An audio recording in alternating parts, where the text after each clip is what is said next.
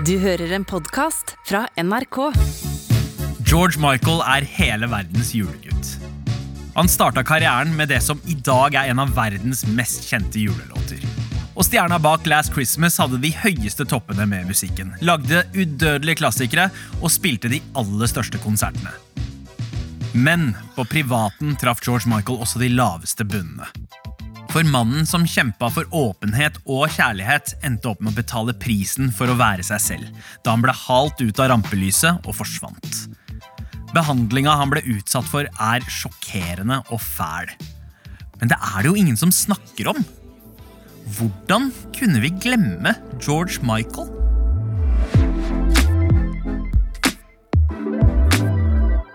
Velkommen til Musikkrommet. Jeg heter Sandeep Singh.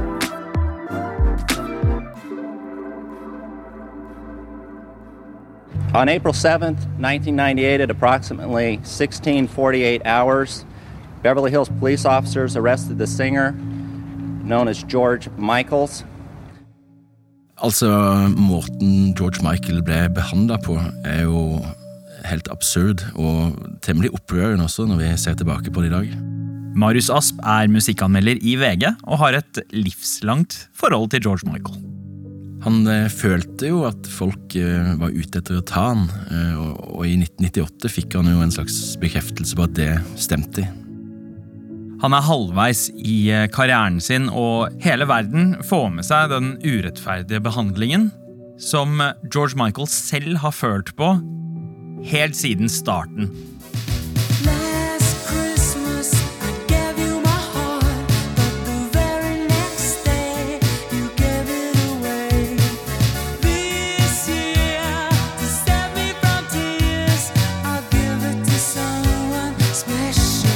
I 1984 blir hele verden kjent med George Michael.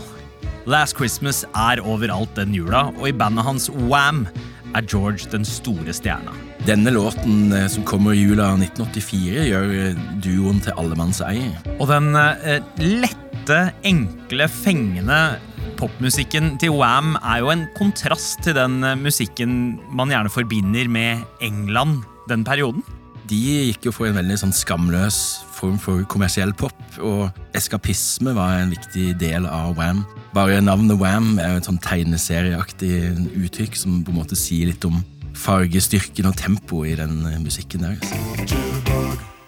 For det var mye humor i Wham! også. George Michael har jo uttalt i ettertid at mye av det handler om å irritere folk. At det var en viktig drivkraft for Wham. Og en annen effekt de hadde, disse to glattbarberte gutta med forseggjorte sveiser, voksa bryst og korte shorts, var jo at de fikk jenter over hele verden forelska i seg. Og når man først har eh, blitt stempla som et eh, tenåringsfenomen, så er det ikke så lett å bli tatt på alvor. Særlig ikke i England på den tida. Da var det indie-mentaliteten som råda. Og eh, kommersielle ambisjoner var i seg sjøl noe litt sånn suspekt og mistenkelig. Ja, Musikkpressen var jo ganske nådeløs mot uh, George og Wham. I mean, your record has been slagged in the press. I mean, what do you think about? I think you either decide that you you like pop or you don't, and no. I think, as far as I'm concerned, it's one of the best pop records so far this year. Så han var, han var tidlig vant til å måtte forsvare musikken som Wham lagde. Og da han ble invitert til en musikkdebatt på TV, så fikk man også se en litt dypere interesse for musikk enn det man kanskje antok at han hadde. Han viser jo veldig stor kunnskap om forskjellige typer musikk, og så kommer han også med en litt sånn uventa favorittplate. Um, and I actually really liked Joy Division, or particularly their second album. Well, Closer. I thought Closer. The second side of Closer is uh, one of my favorite albums. It's just beautiful. Han, eh, han sier nemlig at uh, hans favorittplate noensinne er kanskje B-sida av Joy Divisions uh, Closer. All the way through liking them, I thought their image was pretentious and contrived, and it did have very fascist elements to it. But um, I thought the music was great. Altså den mørkeste halvdelen av en av de dystreste platene i britisk musikk hittil. Ja, og omtrent så langt unna Wham som det er mulig å komme. Så det bor mer i denne eh, polerte gladgutten enn det folk forventer. Men det er noe ved ham som han bare har delt med de aller nærmeste. Ja, det er at han er biseksuell, noe han finner ut når han er 19 år gammel. Og som han deler med søstrene sine, nære venner og også bandkompisene i Wam. Men ikke foreldrene sine. Han holder det unna sin mor, og han holder det unna offentligheten. Og har sine private kvaler med det. Men karrieren går jo som det suser. Jenter over hele verden er fortsatt forelska i han. Det er George Michael som er den definitive stjerna fra Wam. Og da er det jo helt naturlig at det blir en solokarriere. Ja, I 1987 så slipper han eh, solodebuten sin Faith, og den blir jo en enorm suksess eh, globalt. Cause I gotta have faith. I gotta have faith.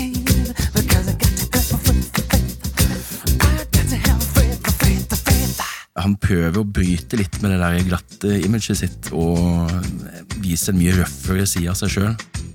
Og nærmest som en motreaksjon på den der glattbarberte eh, med voksa bryst-typen som han har vært i Wam, så stiller han nå med hår på brystet, skinnjakke, eh, tredagersskjegg, eh, gjør Elvis Presley-moves i musikkvideoen og står som en tøffere fyr med ordene 'revenge' bakpå jakka og en USA-tag på eh, fronten av skinnjakka. Ja, og så spiller han jo også mye mer åpent på sex. Altså som eh, i eh, I Want Your Sex Part 1 and 2 er jo litt veldig eksplisitte og eh, gir også noen frampek om legningen hans, kanskje.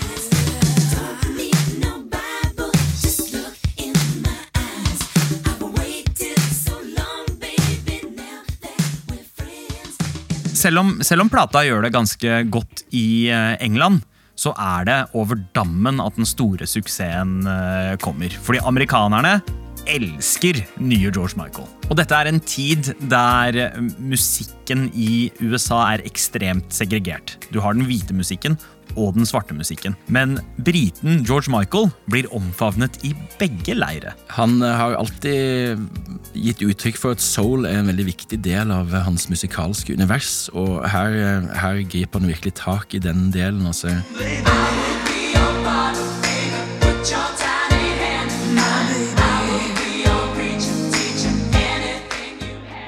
Artister som Aretha Franklin og Stevie Wonder har vært utrolig betydningsfulle for, eh, for han. Med Faith så, så er den koblingen mye tydeligere enn det var med Wham.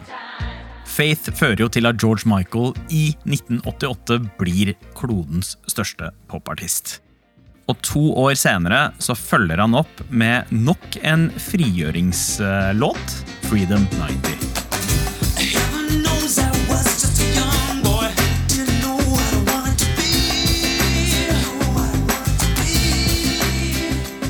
Og her blir det klart at eh, alt ikke er helt som det skal være. Det blir tydelig at eh, rollen som superstjerne er noe han ikke føler seg helt komfortabel eh, i. Og han elsker å lage musikk, elsker å spille denne musikken live, men akkurat det sirkuset rundt alt dette gjør at han føler seg ensom og, og blir nedtrykt. Og alt det som han sitter inne med, kommer jo ut i Freedom 90.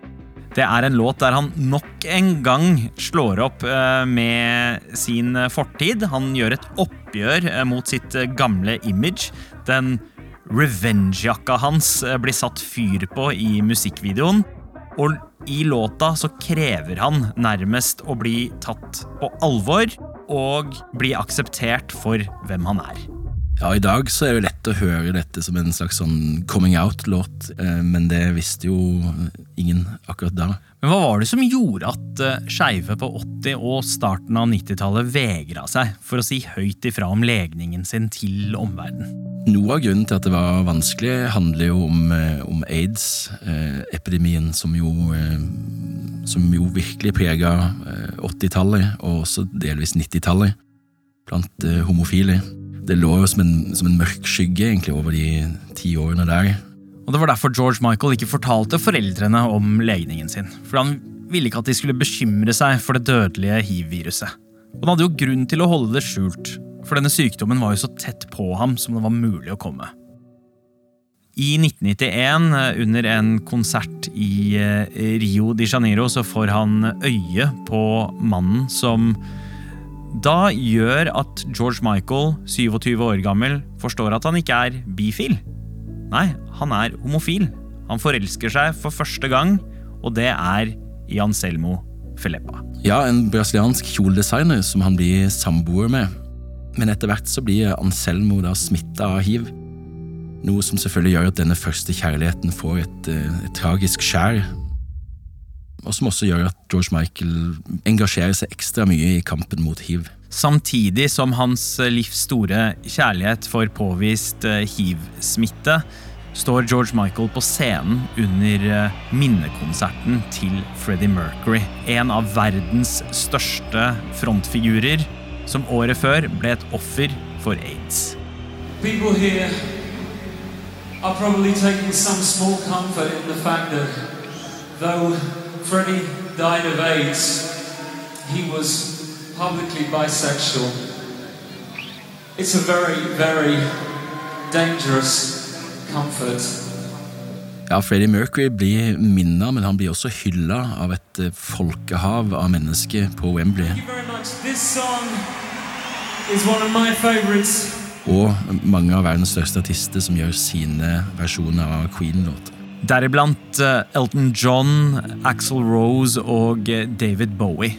Men når man hører George Michael synge, så skjønner man at dette her betyr ekstremt mye for han.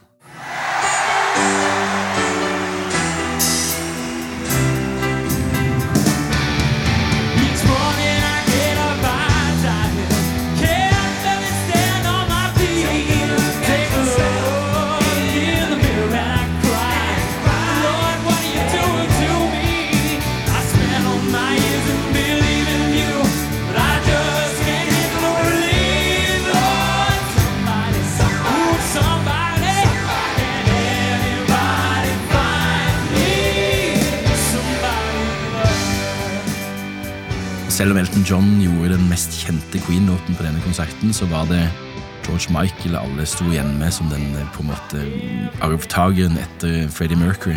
Som eh, altså både alle, alle fra David Bowie til eh, Queen-gitarist Brian May fremheva George Michaels eh, fremføring som det høydepunktet på denne konserten.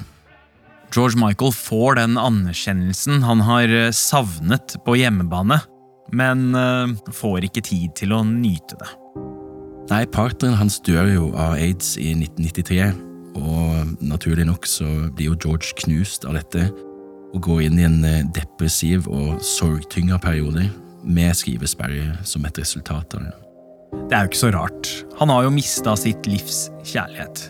Og uten Anselmo klarer ikke George å skrive musikk. Når denne skrivesperren da løsner etter 18 måneder, så er det i form av en hyllest til Anselmo. En låt som George Michael skriver på én time. Jesus to Child.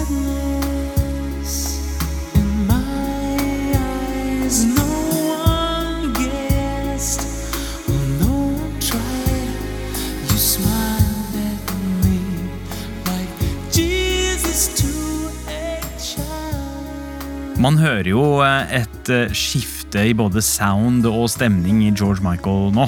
Ja, Han har blitt eh, mer voksen og mer moden og kanskje litt resignert. Altså Det er ikke det der, den boblende livsgleden som man husker fra Wam. er ikke så veldig lett å finne i akkurat dette, men det er jo veldig vakkert. Og denne eh, mer modne versjonen av George Michael slipper plata Older. Eh, ikke bare har den låta Jesus to a Child, som eh, handler om følelsen av å bli sett av Anselmo, men eh, også Spinning the Wheel, som på sett og vis handler om hiv og aids. Og diskolåta Fast Love, som handler om å dekke over sorgen og fylle tomrommet med rask sex. Og Older er jo så full av hint om hans seksualitet at han har jo i ettertid uttalt at eh, man må nesten være dum hvis ikke man skjønner at, eh, at denne mannen er homofil når man hører Older.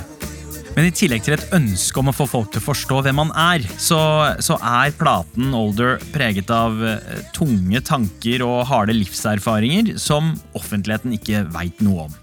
Og når det liksom skal løsne for han, så skjer det nok en trist vending i livet til George Michael når moren dør i 1997.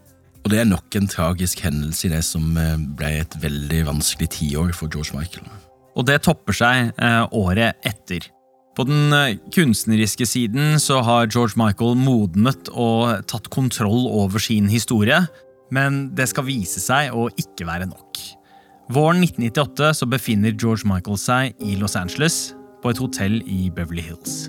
Og denne vårkvelden så tar han seg en tur ut av hotellet til nærmeste park, og der går han på det offentlige toalettet. Og ifølge George Michael så blir han fulgt etter av en mann inn på det toalettet. Han har også eh, sagt at eh, de to begynner å spille et slags eh, spill. Jeg viser deg min, og du viser din. Men det viser seg at det spillet som egentlig blir spilt, er Jeg viser deg min, du viser meg politiskiltet ditt. Mr. Michaels was arrested for a violation of 647A of the Penal Code, engaging in a lewd act. The arrest was made by members of the Crime Suppression Unit. George Michael blir arrestert for lewd conduct, eller upassende oppførsel, eh, i dette offentlige toalettet i Los Angeles, og mener selv at han har blitt lurt av politiet, av såkalt Pretty Police. Det eh, politiet sender den kjekkeste betjenten de har for å lure homofile menn til å begå kriminelle handlinger. En såkalt honningfelle. Og, eh, og et moment som underbygger den teorien, er jo at eh, paparazzi var allerede på plass når George Michael ble tatt med ut av toalettet. Det er ganske drøyt, ass. Og mye tyder jo på at han hadde rett i mistanken. For bare fem timer senere så publiserer media politirapporten. Ja, dette blir jo en sak i media over hele verden, men selvfølgelig spesielt i hjemlandet England, der tabloid-pressen nyter hvert sekund av dette. For det er jo en litt annen stemning hos den britiske tabloidpressen enn det vi er vant til her hjemme. Ja, De er jo notorisk kjent for det å grafse i folks privatliv og fullstendig mangle grenser når det gjelder hva man kan eh, publisere og ikke. Dette her blir ganske brutalt for eh, George Michael. Han blir jo rett og slett outa av politi og presse. Og dette tvinger jo George Michael til å stå frem som homofil i offentligheten og komme ut av skapet, og han kommer ut av skapet med et smell.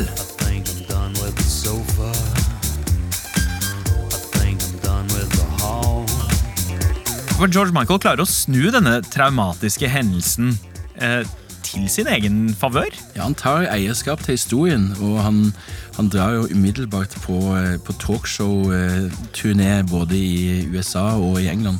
I responded to something, and uh, I responded to a you know very handsome, um, tall, uh, good-looking um, American cop. You know they don't send Columbo in there to do. Han tvinges på en måte til å være selvironisk eh, om det, men samtidig er det veldig tydelig at han, har, eh, han opplever det som en lettelse. Eh, Et, et, en veldig god anledning til å faktisk stå fram som den han er.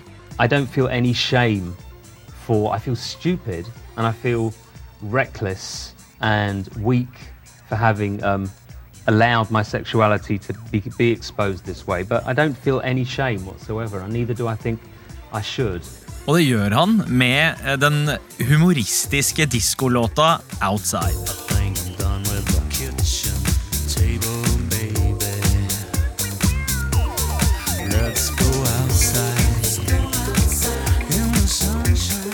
Her hører man jo en George Michael med, med overskudd, som driver og eh, nærmest parodierer måten amerikanere snakker. Ja, helt klart, og i tillegg så, så, så gjør han jo narr av seg sjøl også. Det blir jo veldig tydelig i videoen. Der eh, et toalett plutselig blir til et diskotek, og eh, politifolk kommer og pågriper han. Og en veldig, det er en fantastisk video. Så med Outside så får George Michael virkelig skinne. Og vise verden at han kjemper for eh, frigjøring. Ikke for seg selv, men for alle som tenker eller er annerledes. Men selv om han tar eierskap til denne eh, historien og narrativet i skandalen, så er det jo her det begynner å dale nedover for George Michael. What has it done to your life to say, you know, yes, you know, I'm George Michael, I'm gay, I'm proud of it? Well, to be honest with you, I can't think of any other um, gay celebrity whose life got harder after they came out. Ja, 2000-tallet var jo en, en ganske sånn mørk, tåkete tid for George Michael. For det vi hører fra George i denne perioden, er jo bare nyheter om alle skandalene. bilkrasj, rusmisbruk, mer offentlig rask sex eller såkalt cruising. Og dette var jo på en måte med depresjon i bånn. Artisten George Michael forsvinner bak alle disse overskriftene, og blir også en litt trist humoristisk punching bag i underholdnings-TV. What you get up to in your spare time is up to you, all right? why But not can't I come to comic relief? because you're a joke, George. It's embarrassing. I can't walk into comic relief with you. Comic relief's about helping people like you. Don't put your sad face on. Men det er ikke bare omdømmet hans som eh, forfaller. Helsa hans gjør også det. Hans harde livsstil gjør at problemene blir verre, og i 2011 så blir George Michael alvorlig sjuk. Så sjuk at han havner i koma. I didn't want to worry my fans too much, and I'm really sorry that I couldn't contact them in any way before now, but I was really not in any state to. Ja, her hører vi jo en George Michael som er, har vært døden nær, men som også er veldig takknemlig for eh, all hjelp og behandling han har fått. I would like to play uh, one other show for the doctors um, in the hospital in Austria that saved my life because I spent my the last 10 days since I woke up literally thanking people for saving my life, which is something I've never had to do before, never wanted to do again. Han takker sykehusets ansatte for å ha reddet livet hans, og håper å spille en julekonsert for dem også. I really can't say anymore because I'm really, I'm trying to get over the tracheotomy. So, thank very, very, very, very, very, very Merry Christmas to everybody. Han håper han aldri opplever lignende helseplager igjen. Men historien vil ha det annerledes.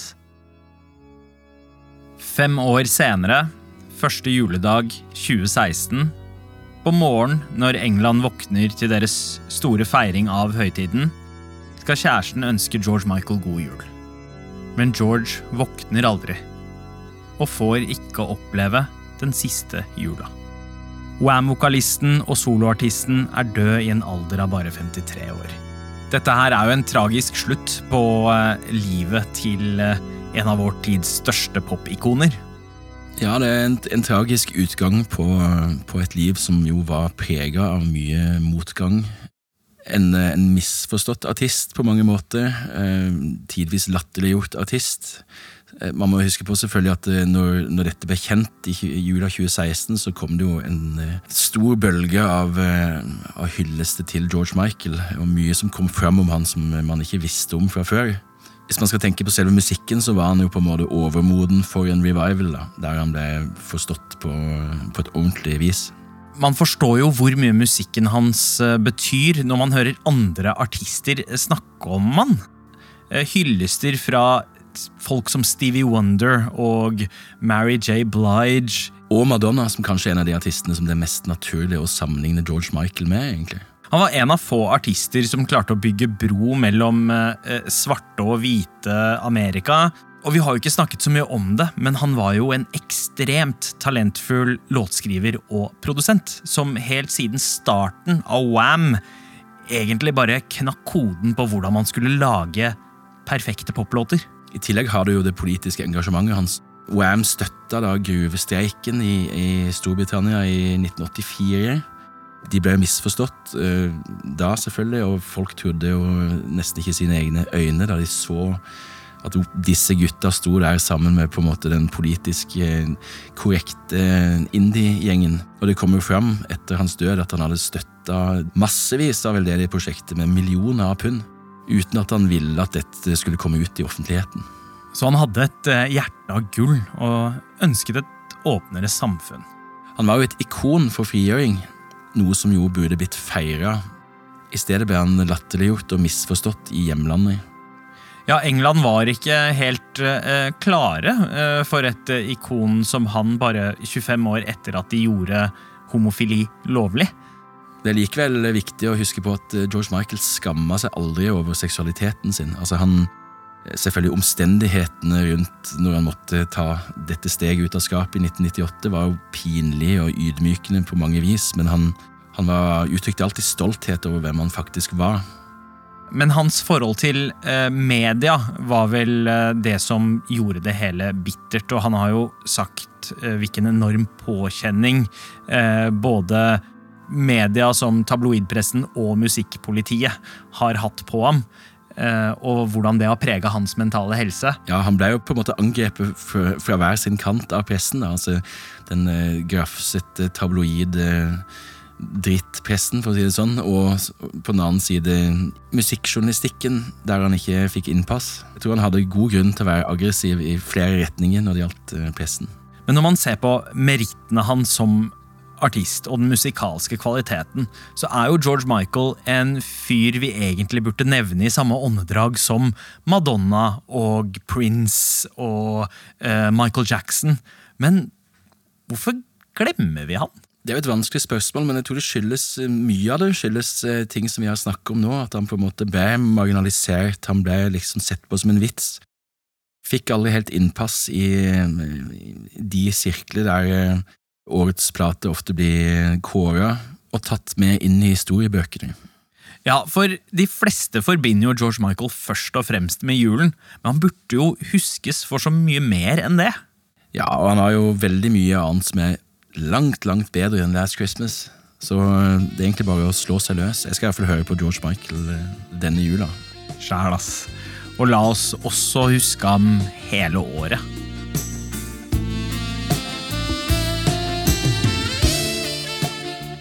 Du har hørt på en episode av Musikkrommet. Hvis du likte det du hørte, anbefal oss gjerne til en venn. Denne episoden er laget av Markus Hamletsen, Amund Grepperud, Nils Vingerei og meg, Sandeep Singh. Redaksjonssjef er Ingrid Nordstrand.